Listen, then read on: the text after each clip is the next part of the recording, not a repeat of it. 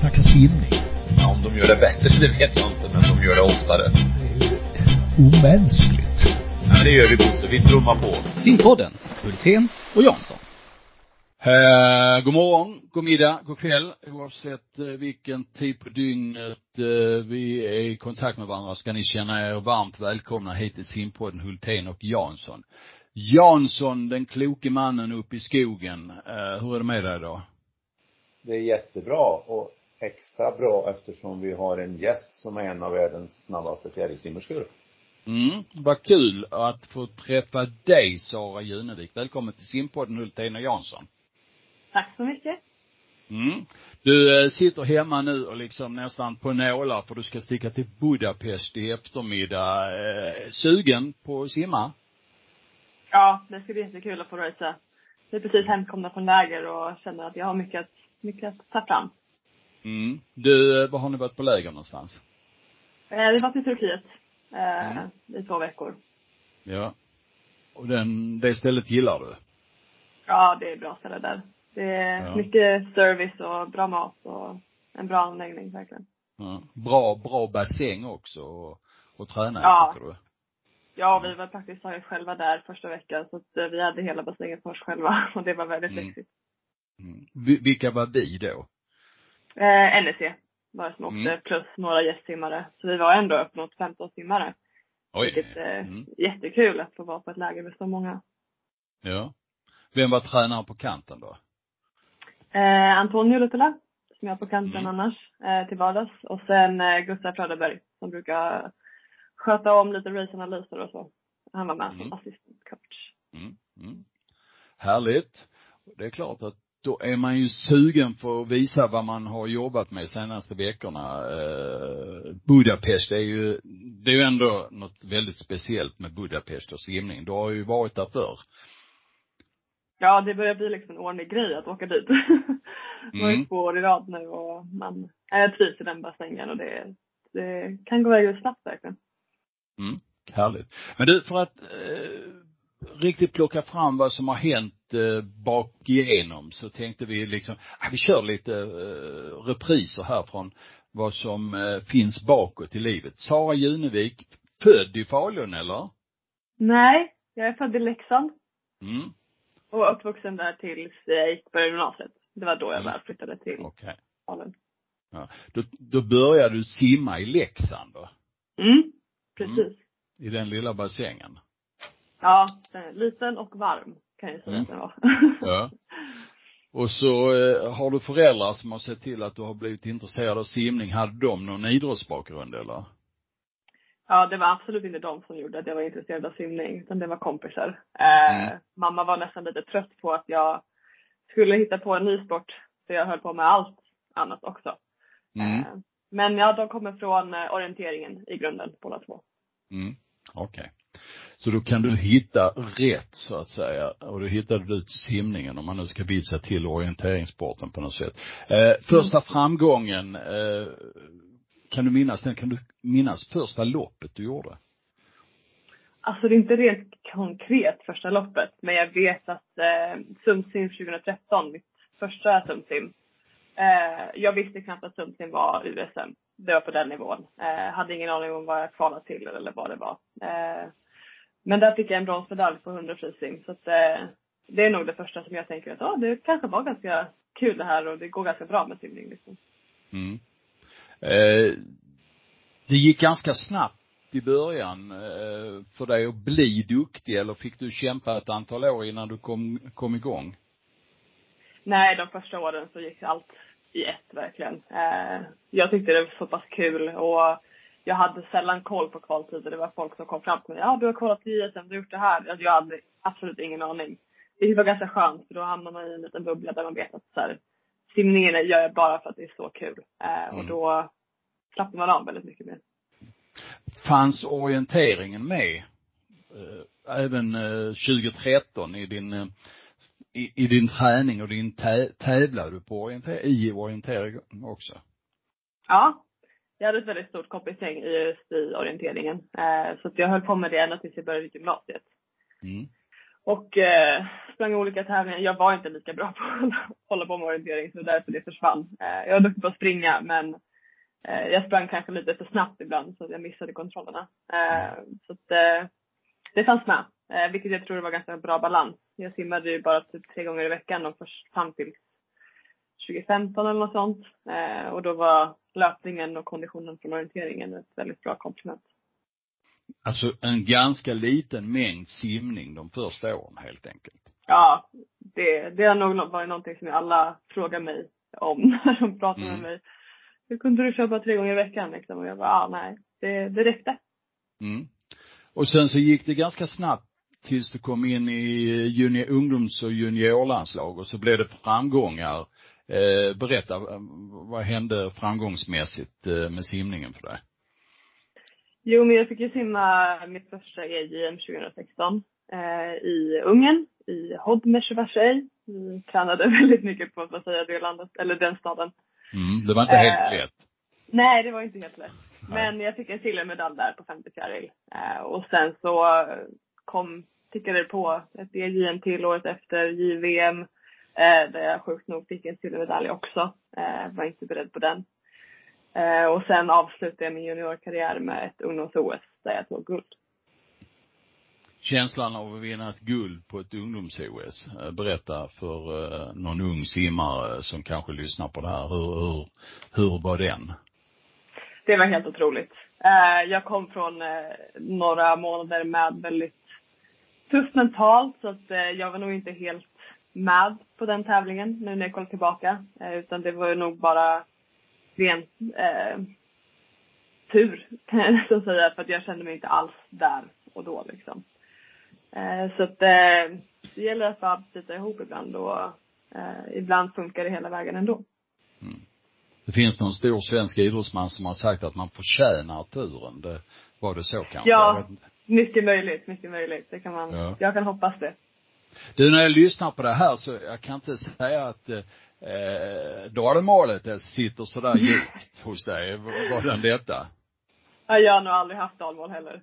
Nej. Eh, varken någon av mina föräldrar är från Dalarna så att det kommer bli, det väl aldrig blivit så att jag vuxit upp med det. Nej.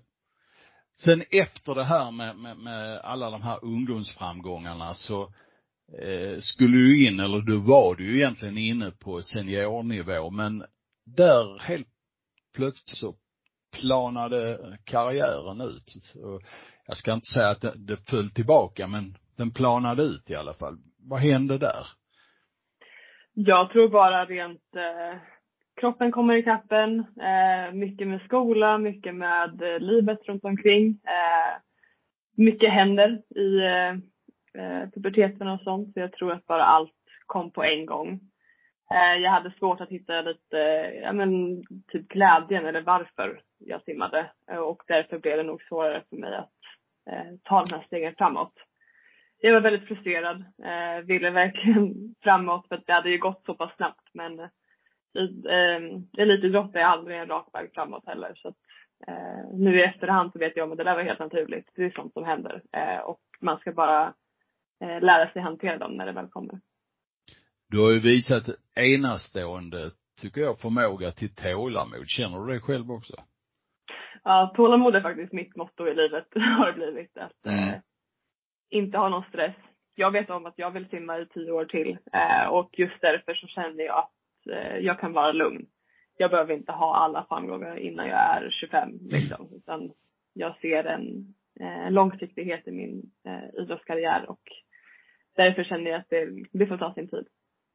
Hur gammal är du idag? 23. Mm. Och du flyttade till Stockholm med din träning när då? Eh, när jag var 19. Så jag hade precis tagit till studenten i eh, Falun och sen skulle jag läsa, hade jag precis bytt skola då och läste sista året, eller några sista kurser här i Stockholm. För att få kunna träna på NEC. Mm. Och om du jämför din, din inställning till simningen när du var hemma i Falun och när du har kommit till Stockholm nu, för Falun är väl fortfarande hemma va? Ja, Falun är ju fortfarande hemma och jag simmar ju fortfarande för Falun. Så att det Mm. är otroligt skönt att få ha det. Eh, Mm. Men där så var det väldigt mycket, det, jag har märkt stor skillnad på klubbträningar jämfört med hur träningarna på NEC då. Eh, alla på NEC är där för att göra en elitsatsning och eh, man känner att alla är så fokuserade. Klubbträning kan det vara lite annan eh, balans och motivation hos olika simmare. Jag hade också väldigt mycket fokus på skolan och det var liksom, ja. Thomas? Ja, jag blev nyfiken på det du sa nu. Eh, jag, för, jag förstod att du menar att de, de um, tänker olika, hur ser karriären ut och vad vill jag med min simning? Men rent konkret i bassängen, gör du mycket andra saker idag i träningen än du gjorde när du var på hemmaplan? Ja, jag tycker att vi eh, har skiftat fokus. Det blir väldigt mycket mer nischat här i, eh, på NEC. Eh, det ska vara en mer gruppträning på klubbnivå. Jag simmade väldigt mycket mer medley och alla olika simsätt när jag var i Falun. Nu är det väldigt mycket mer nischat mot fjärils och frisimsteknik till exempel och ser till typ att det lugna är jättelugnt medan det hårda är mer hårt så att vi håller koll med puls och så. Så det är alltid lite bättre kontrollerat skulle jag säga.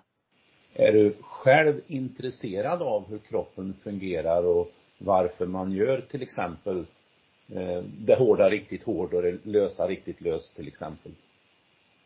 Ja men lite grann. Jag tror att jag har fått mer förståelse för det. Eh, och jag tycker ju att det gynnar mig. För att jag är ju väldigt mycket piggare när vi ska köra hårdare. Om man håller pulsen under 150 liksom, eh, när man kör lugnt.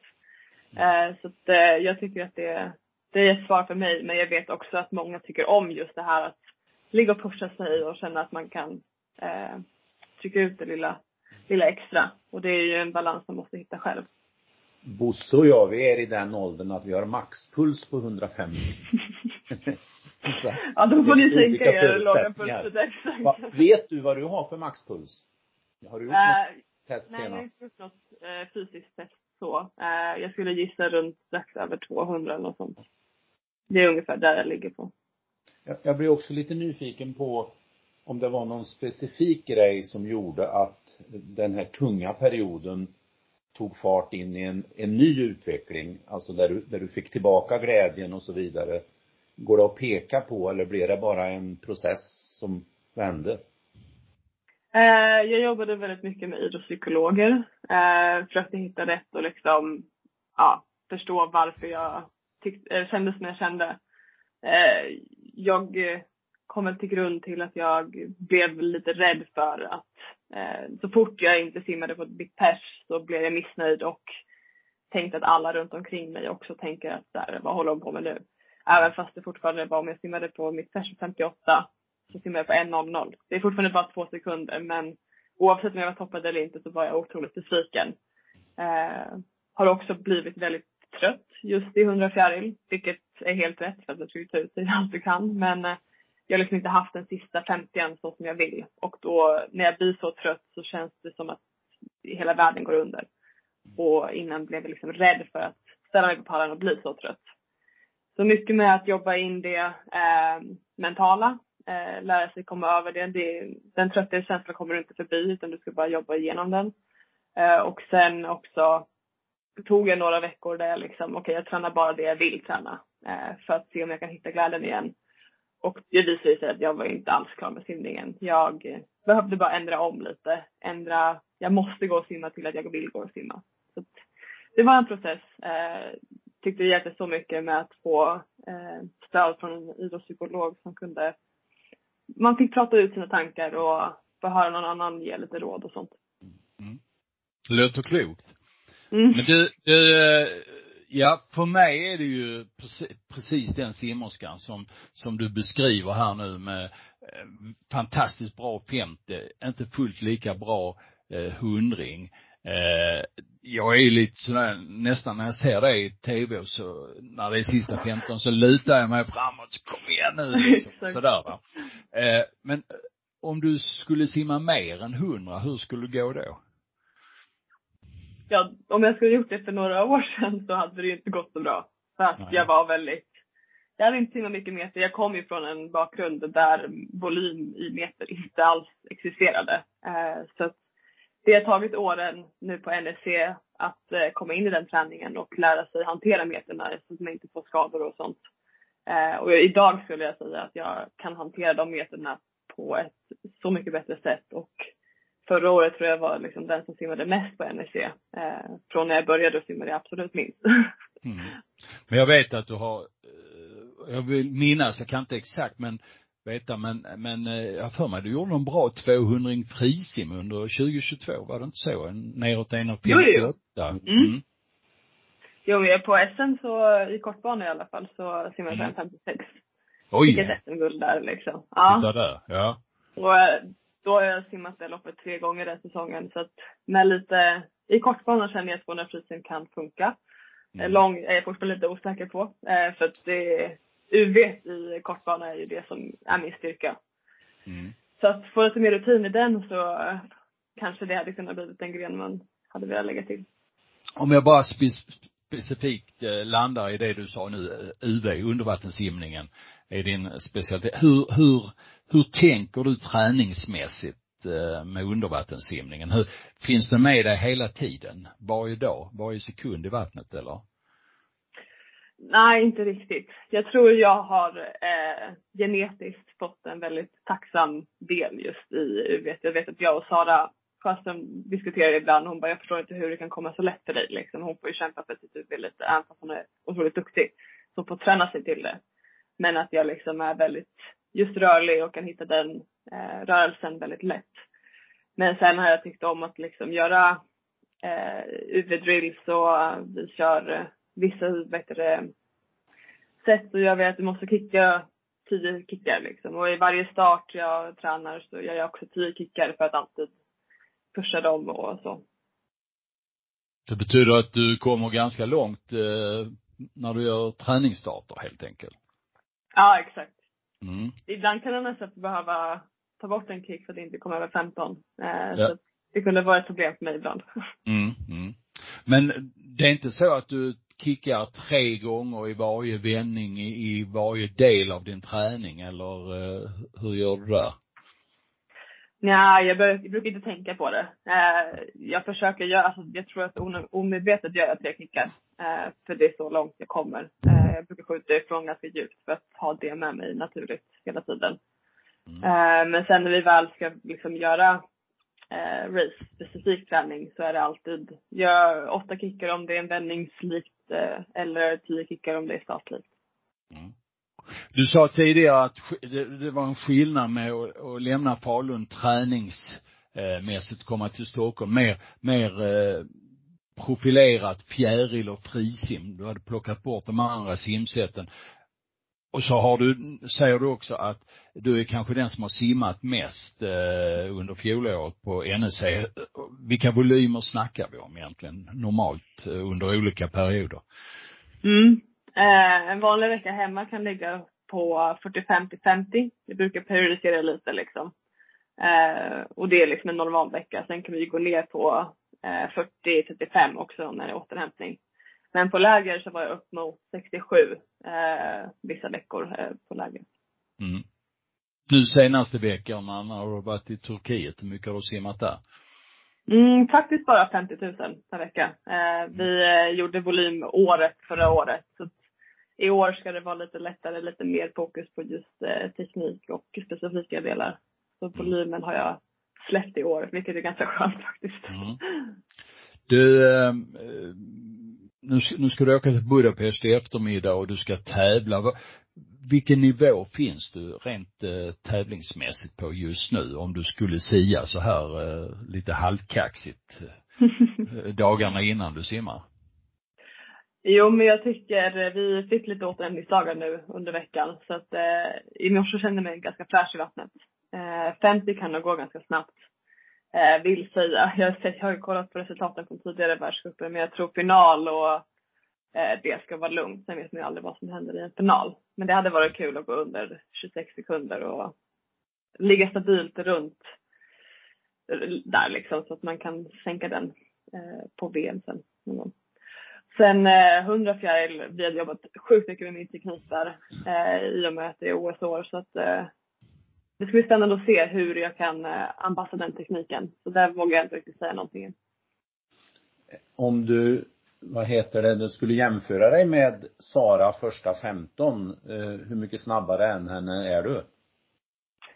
Ja, det beror på. På tävling så är ju jag långsammast från eh, startpallen. Så jag Ja, du, reaktion. reaktionstiden är långsam. Ja, Ja. exakt. Men hade vi fått köra, vad heter det, vi är ungefär lika snabba ibland. Kanske jag är någon tiondel snabbare om vi kör på träningarna här när man får egen start.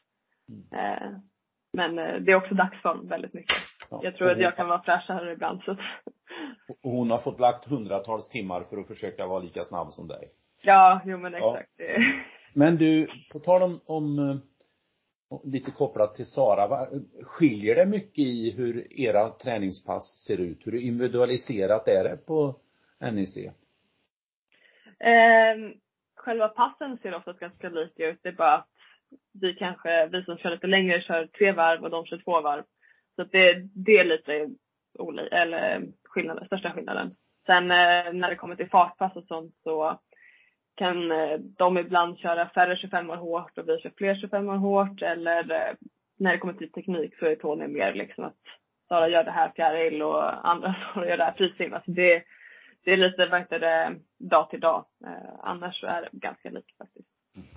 Jag har ju upplevt, utan att ha följt någon statistik på det, att du gillar extra mycket att simma finaler och att du ofta den extra pressen eh, kan du omvandla i fart. Är det en, en känsla som du också har, att det är på det viset? Absolut. Ja. Jag tror alltid att jag lägger till något lite extra. Så att, det bäst när det gäller vet jag att jag brukar ta till mig. Eh, så att i finaler är det faktiskt någonting extra som kommer in. Men är det någonting annat i ditt huvud när du står där och plockar av dig eh, overallen och rättar till glasögon och allt det här och det är dags att gå upp på pallen. Är det en, ett annat mindset än i en försökssimning? Eh, mycket vilja, skulle jag säga. Eh, det, jag vill otroligt mycket. Jag vet att i, eh, nu i Japan, när jag gick till final, det var ju min första individuella i långbana. Eh, och då när jag väl tog mig till final så kände jag verkligen så här: okej, nu har du gjort allting. Allt härifrån är en bonus. Så att där så hittade jag det typ ett lugn i eh, att vara i en final. Medan i andra final, när du vet att du har en press på dig, eh, så kan man känna att man blir lite mer spänd. Och jag tror just den lugnen gjorde att jag eh, kunde slappna av mer och eh, racea så som jag ville istället för att man vill pusha och nå en nivå som man kanske inte klarar av då. Men i tankarbetet innan start, hur mycket teknikdetaljer tar du med dig då eller gör du det på träningen och sen ska det komma med automatik? Hur, hur, hur funkar den delen för dig? Är det mesta teknik tänker jag göra på insimmet innan. Eh, bara jobba igenom, vad heter det, de delar jag känner att jag vill tänka på. Har ett sista snack med Antonio innan jag går in till callroom oftast och liksom för att få de sista keywordsen eller liksom så. Men sen när jag står inför pallen då ska allt sitta så då försöker jag inte tänka på något annat än att eh, ja, tagga igång. Är det en njutbar känsla att stå där på pallen och så det blir helt tyst i anläggningen och det är dags att gå in, inta startposition eller är det rädsla ibland? Oftast är det njutbart, skulle jag säga för min del. Eh, jag brukar försöka, eller senaste tiden så har jag verkligen så stannat upp lite. Det, är, det kommer inte alltid vara så här lugnt eller du kanske inte kommer ha så här lite press på dig själv. Eh, för det är oftast den pressen som man ställs mot mest. Eh, men vissa lopp när man verkligen vill prestera så är det mycket rädsla för att eh, man eh, är rädd för att bli besviken. Men är du inte rädd för att bli besviken kommer du inte heller ta i allt vad du kan. Så att, eh, det, är en liten, det är en bra balans ibland. Mm. Jobbar du specifikt, alltså om man skulle välja ut något, är det något specifikt du jobbar med teknikmässigt i ditt fjärilsim, i ditt frisim, i träning? Om du ger oss någon sån del och när man tittar på dig när du tävlar, vad, vad, vad ska man titta efter då? Att, och säga att ja men nu fick hon till det där. Just på fjärilet nu så har vi ju ändrat om min teknik. Jag är inte, inte helt skulle jag säga, men det är mycket som ska ändras just nu. Eh, och då är en del att jag ska försöka ha andningen närmare vattenytan. Eh, att hakan ska liksom gå jämnt med vattenytan. Istället för att jag tror att vi, jag har simmat väldigt mycket upp och ner och det tar väldigt mycket mer kraft. Och tanken är att omvandla upp och ner till mer framåt. Mm. Så det är en del. motståndet mot vattnet också förstås lite grann. Ja men exakt, exakt. Mm.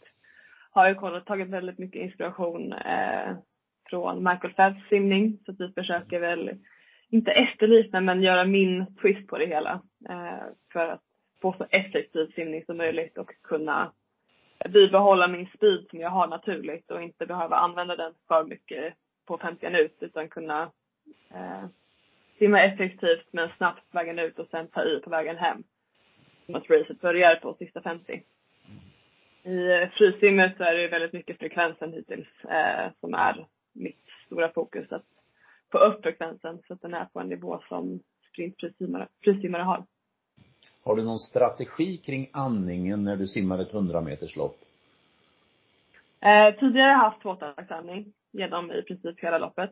Eh, nu i Budapest ska jag testa tvåtaktsandning ut och sen andning på varje på vägen hem. Just för att nu har vi tränat den tekniken med andning och vi har tränat andning hela tiden och det börjar gå, ganska snabbt. Så där har jag bromsat väldigt mycket med att andas på varje andetag. Just för att jag har gått upp väldigt mycket och bromsat med hela bröstkorgen och allting. Men med tekniken jag har nu så kan det gynna mig. Eh, och att få syret i försel hela tiden kan också vara en bra grej. Så det är någonting nytt vi testar. Jag upplever ju som, som tittare och följare att många slarvar ju med det där och hoppar över an, an, andningen allt för ofta. Och det betalar mm. sig dyrt. Ja. Eh, Nej, och jag tycker att det, det är, många gånger så tycker jag det är ganska skönt att ha en sån teknikdel att eh, tänka på istället för att tänka på hur jobbigt det är så tänker jag bara att jag ska göra det här andningsmönstret eller jag ska göra den här teknikdelen. Utan det, det är bra att få tankar på ett annat sätt. Mm. Härligt. Du, eh, nu kommer det ett antal tävlingar här under eh, vinterhalvåret. Men om vi liksom hoppar och tittar framåt och så blickar vi mot OS 2024. Eh, hur går dina tankar där? Vad, vad vill du där? Jag vill kvala individuellt på 100 fjäril. Det är mitt största mål just nu.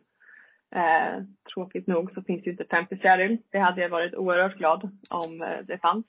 Eh, men 100 fjäril är nu den distans som jag måste sikta in på och eh, det är den jag jobbar mot. Mm. Och där har du ju eh, en, ett intressant spörsmål, eller vi har, det är ju att du har två fjärilsimmerskor framför dig i, i Sverige som är väldigt duktiga.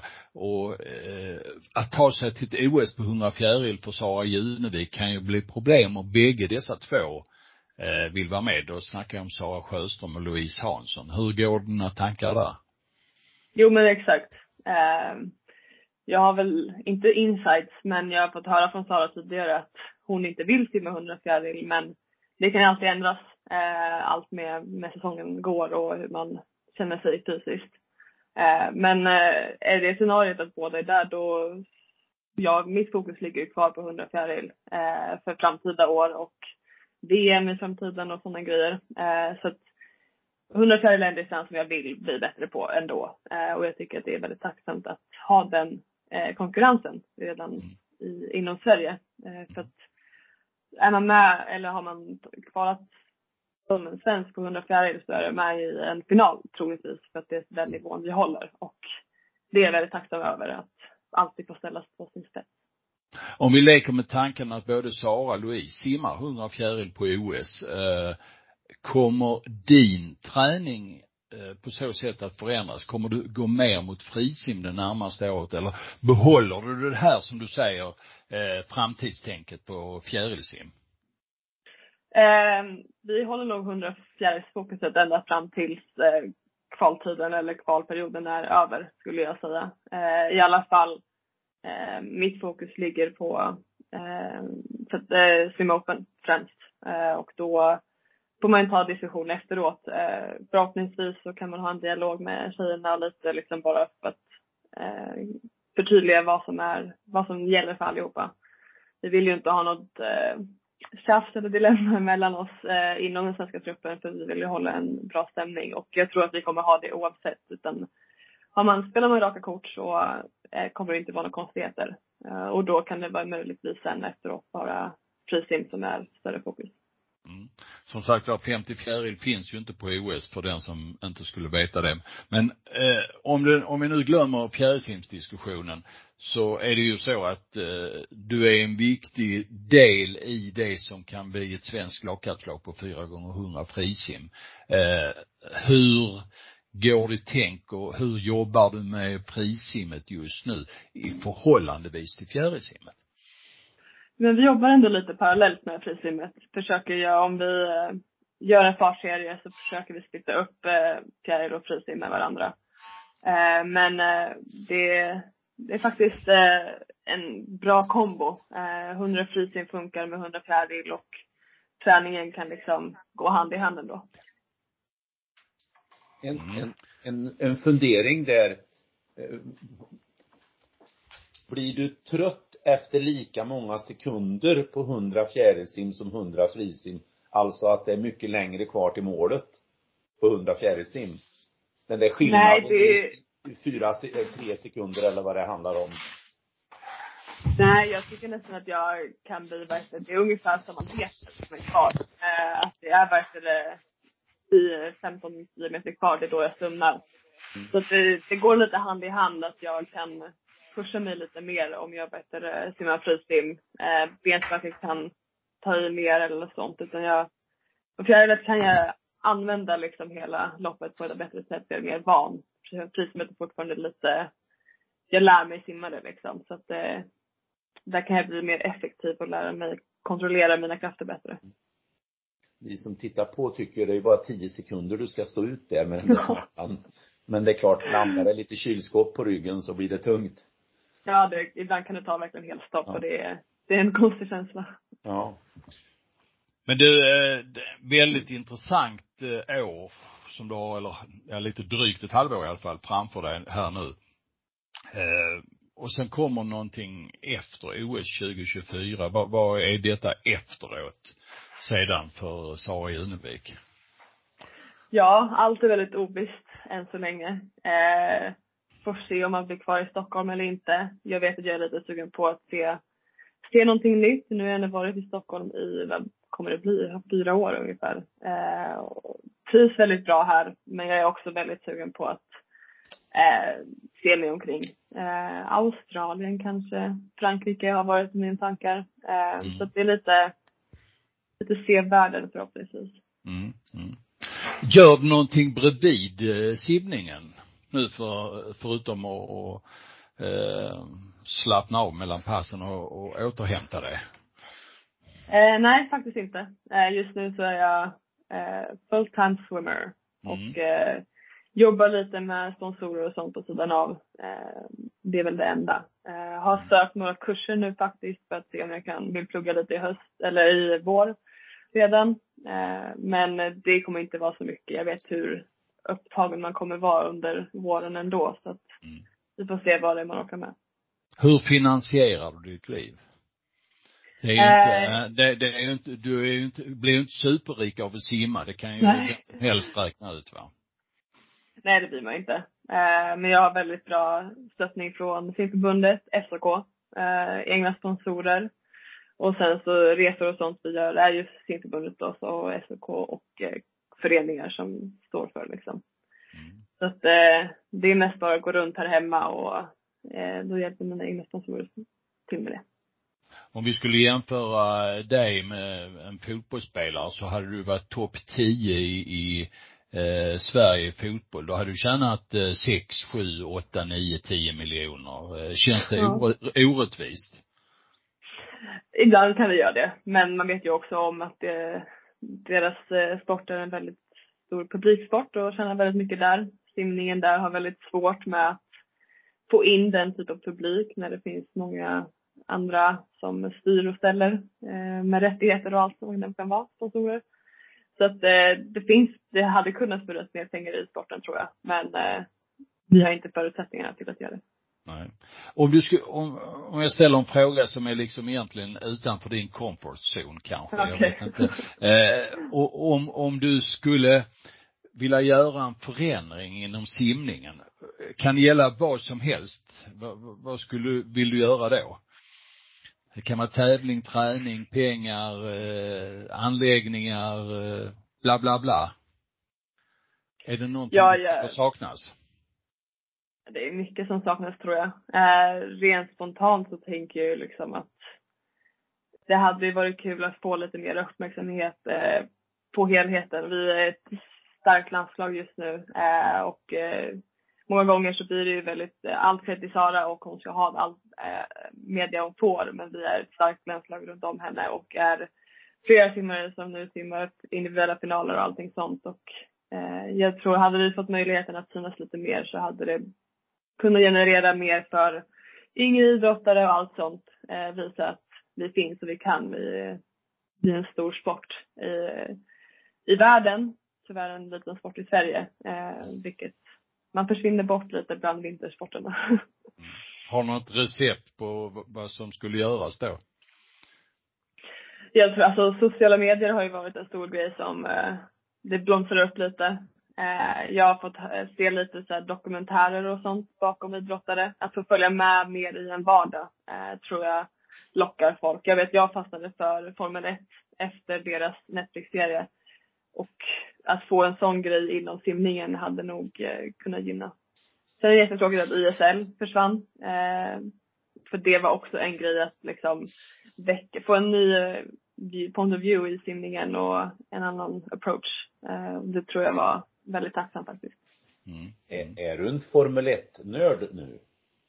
Ja men nästan lite så. Jag, jag kollar racen varje helg och jag hejar ju på Ferrari, vilket är tråkigt vissa helger och jättekul andra helger. Men eh, jag försöker följa det lite. Jag har barn och barnbarn som följer Formel 1 och jag förstår inte vad det är för fel på dem men Men det bara säger rum och så är det en, en bil som passerar. det är nog roligare att kolla på TV än att kolla i, på plats. Men det hade varit Mm. jävligt, eh, riktigt häftigt att kolla på plats också. Mm. Mm. Du höll, nu höll du nästan på att svära.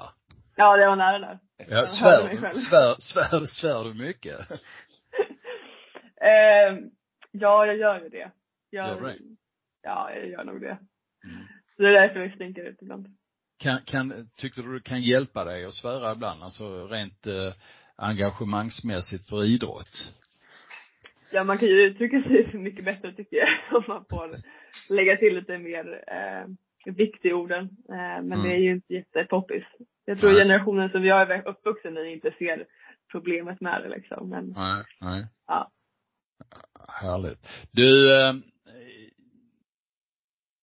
Jansson, han sitter här och gruvar på sina tre snabba, men in, innan dess, för de tar jag inget ansvar för, ska jag säga. Eh, Nej. Har vi några mer frågor till eh, Sara? Vi har Jag har- på i 40 minuter nu. Jag vill veta vad hon har för älsklingsmat, älsklingsmusik. Älsklingsmat är en tortilla lasagne. Mm. Eh, så det är en vanlig lasagne fast du har tortilla, tortillabröd istället för lasagneplattor. Eh, och sen är det typ som en fajita kycklingröra istället för köttfärssåsen. Det är min go-to eh, att laga. Favoritmusik är R&B. Eh, nästan alla, alla, alla artister inom den genren. Mm. Inte Kalle Moreus från Orsa då. Nej, faktiskt inte. Där har inte jag fastnat. Var det tre det jag kunde bara nej, nej, nej, det här var bara, det här var bara Det var bara frågor. Frågorna jag har här, de, det har blivit fyra under sändningen. Ja. Lå, låt oss höra dessa fyra nu. Okej då. Och Eh, som sagt var Sara, jag vet ingenting, jag tar Nej, ansvar. okej. Nej. eh, efter karriären och så får du en eh, present. Att, eller, och då ska du välja mellan en start i femdagars eller en start i Vansbrosimningen. Oj. Eh, Det var ju då nästan jag nog- intressant. Ja, exakt. Jag måste nog faktiskt säga eh, fem dagars. Jag är uppvuxen med att springa fem dagars och har gjort det liksom, jag vet inte hur många gånger. Eh, och jag tycker det är en så familjär känsla att få vara eh, med på det. Vansbrosimningen är ju, det är en kall å, eller så. Det, det lockar inte mig riktigt. Eh, orientering är ju en fantastisk sport. Det måste jag säga. Den, den är Mm. ultimat på många vis. Eh, vi fortsätter på temat present. Eh, du ska välja mellan att få en vecka där det handlar om att bestegra Kebnekaise eller en vecka på Maldiverna. Oj. Maldiverna. Helt klart. Jag är nog en slappare när det kommer till efterkarriären. Bo i storstad, typ Stockholm eller större. Eller bo i en mindre ort, typ Falun eller mindre. Um, jättesvårt. Jag vill väldigt, väldigt gärna ha nära till naturen. Så det måste vara en storstad som har nära till naturen. Men sen tror jag att jag hade, jag har ju flyttat ifrån alla mindre städer jag har bott i. Så att eh, det är nog, det finns något jag tröttnar på eh, i mindre städer. Så att det måste nog bli en storstad. Det tillkom en fråga eftersom jag hörde att du var född i Leksand. Och då blir det ju en, en hockeyfråga. Ja, misstänkte det. Leksand eller Färjestad? Leksand. Ja, annars hade inte jag varit välkommen hem tror jag. Okej. Tack! För Men dina eh, svar. Thomas, Thomas, den sista frågan där, den var väl eh, ändå lite pinsam va? Finns, finns det någon som håller på Färjestad? Inte ens, inte ens jag gör ju det. Nej, jag menar det. Du, eh, bara, bara eh, så här någon, någon liten extra. Du, du säger du var duktig på spri, är duktig på att springa och har lärt dig mycket av det, eh, inom orienteringen. Och sen simning till det, swimrun. Eh, det vore ju någonting att testa. ja, absolut. Jag tror det kan vara en efterkarriärsgrej kanske. Mm. Jag har lovat mig själv att göra en svensk klassiker när jag slutar eller vid tillfälle. Eh, Mm. Så att, eh, Och en riktig svensk klassiker, ingen damklassiker. ja, nej, nej, nej, nej. Jag ska göra det riktiga och under ett år. Det ska, det ska bli en, the real deal. Mm. Ja men det låter härligt. Eh, vi har kommit till vägs ände eh, i den här snacket med Sara Junevik. Jättetrevligt att få ha dig med, eh, äntligen. Det har, vi, vi har hållit på att Mm. prassla med dig några gånger men nu blev det av. Och i eftermiddag ska du åka till Budapest och eh, en stor spark i häcken och lycka till där, säger vi. Tack så jättemycket. Ja. Tack Jansson för att du var med idag. Och eh, då slår vi igen butiken för denna gången. Hej och tack. Nu ska vi snacka simning. Ja, om de gör det bättre, det vet jag inte, men de gör det oftare. Det är omänskligt. Ja, det gör vi Bosse. Vi trummar på. Simpodden, Hultén och Jansson.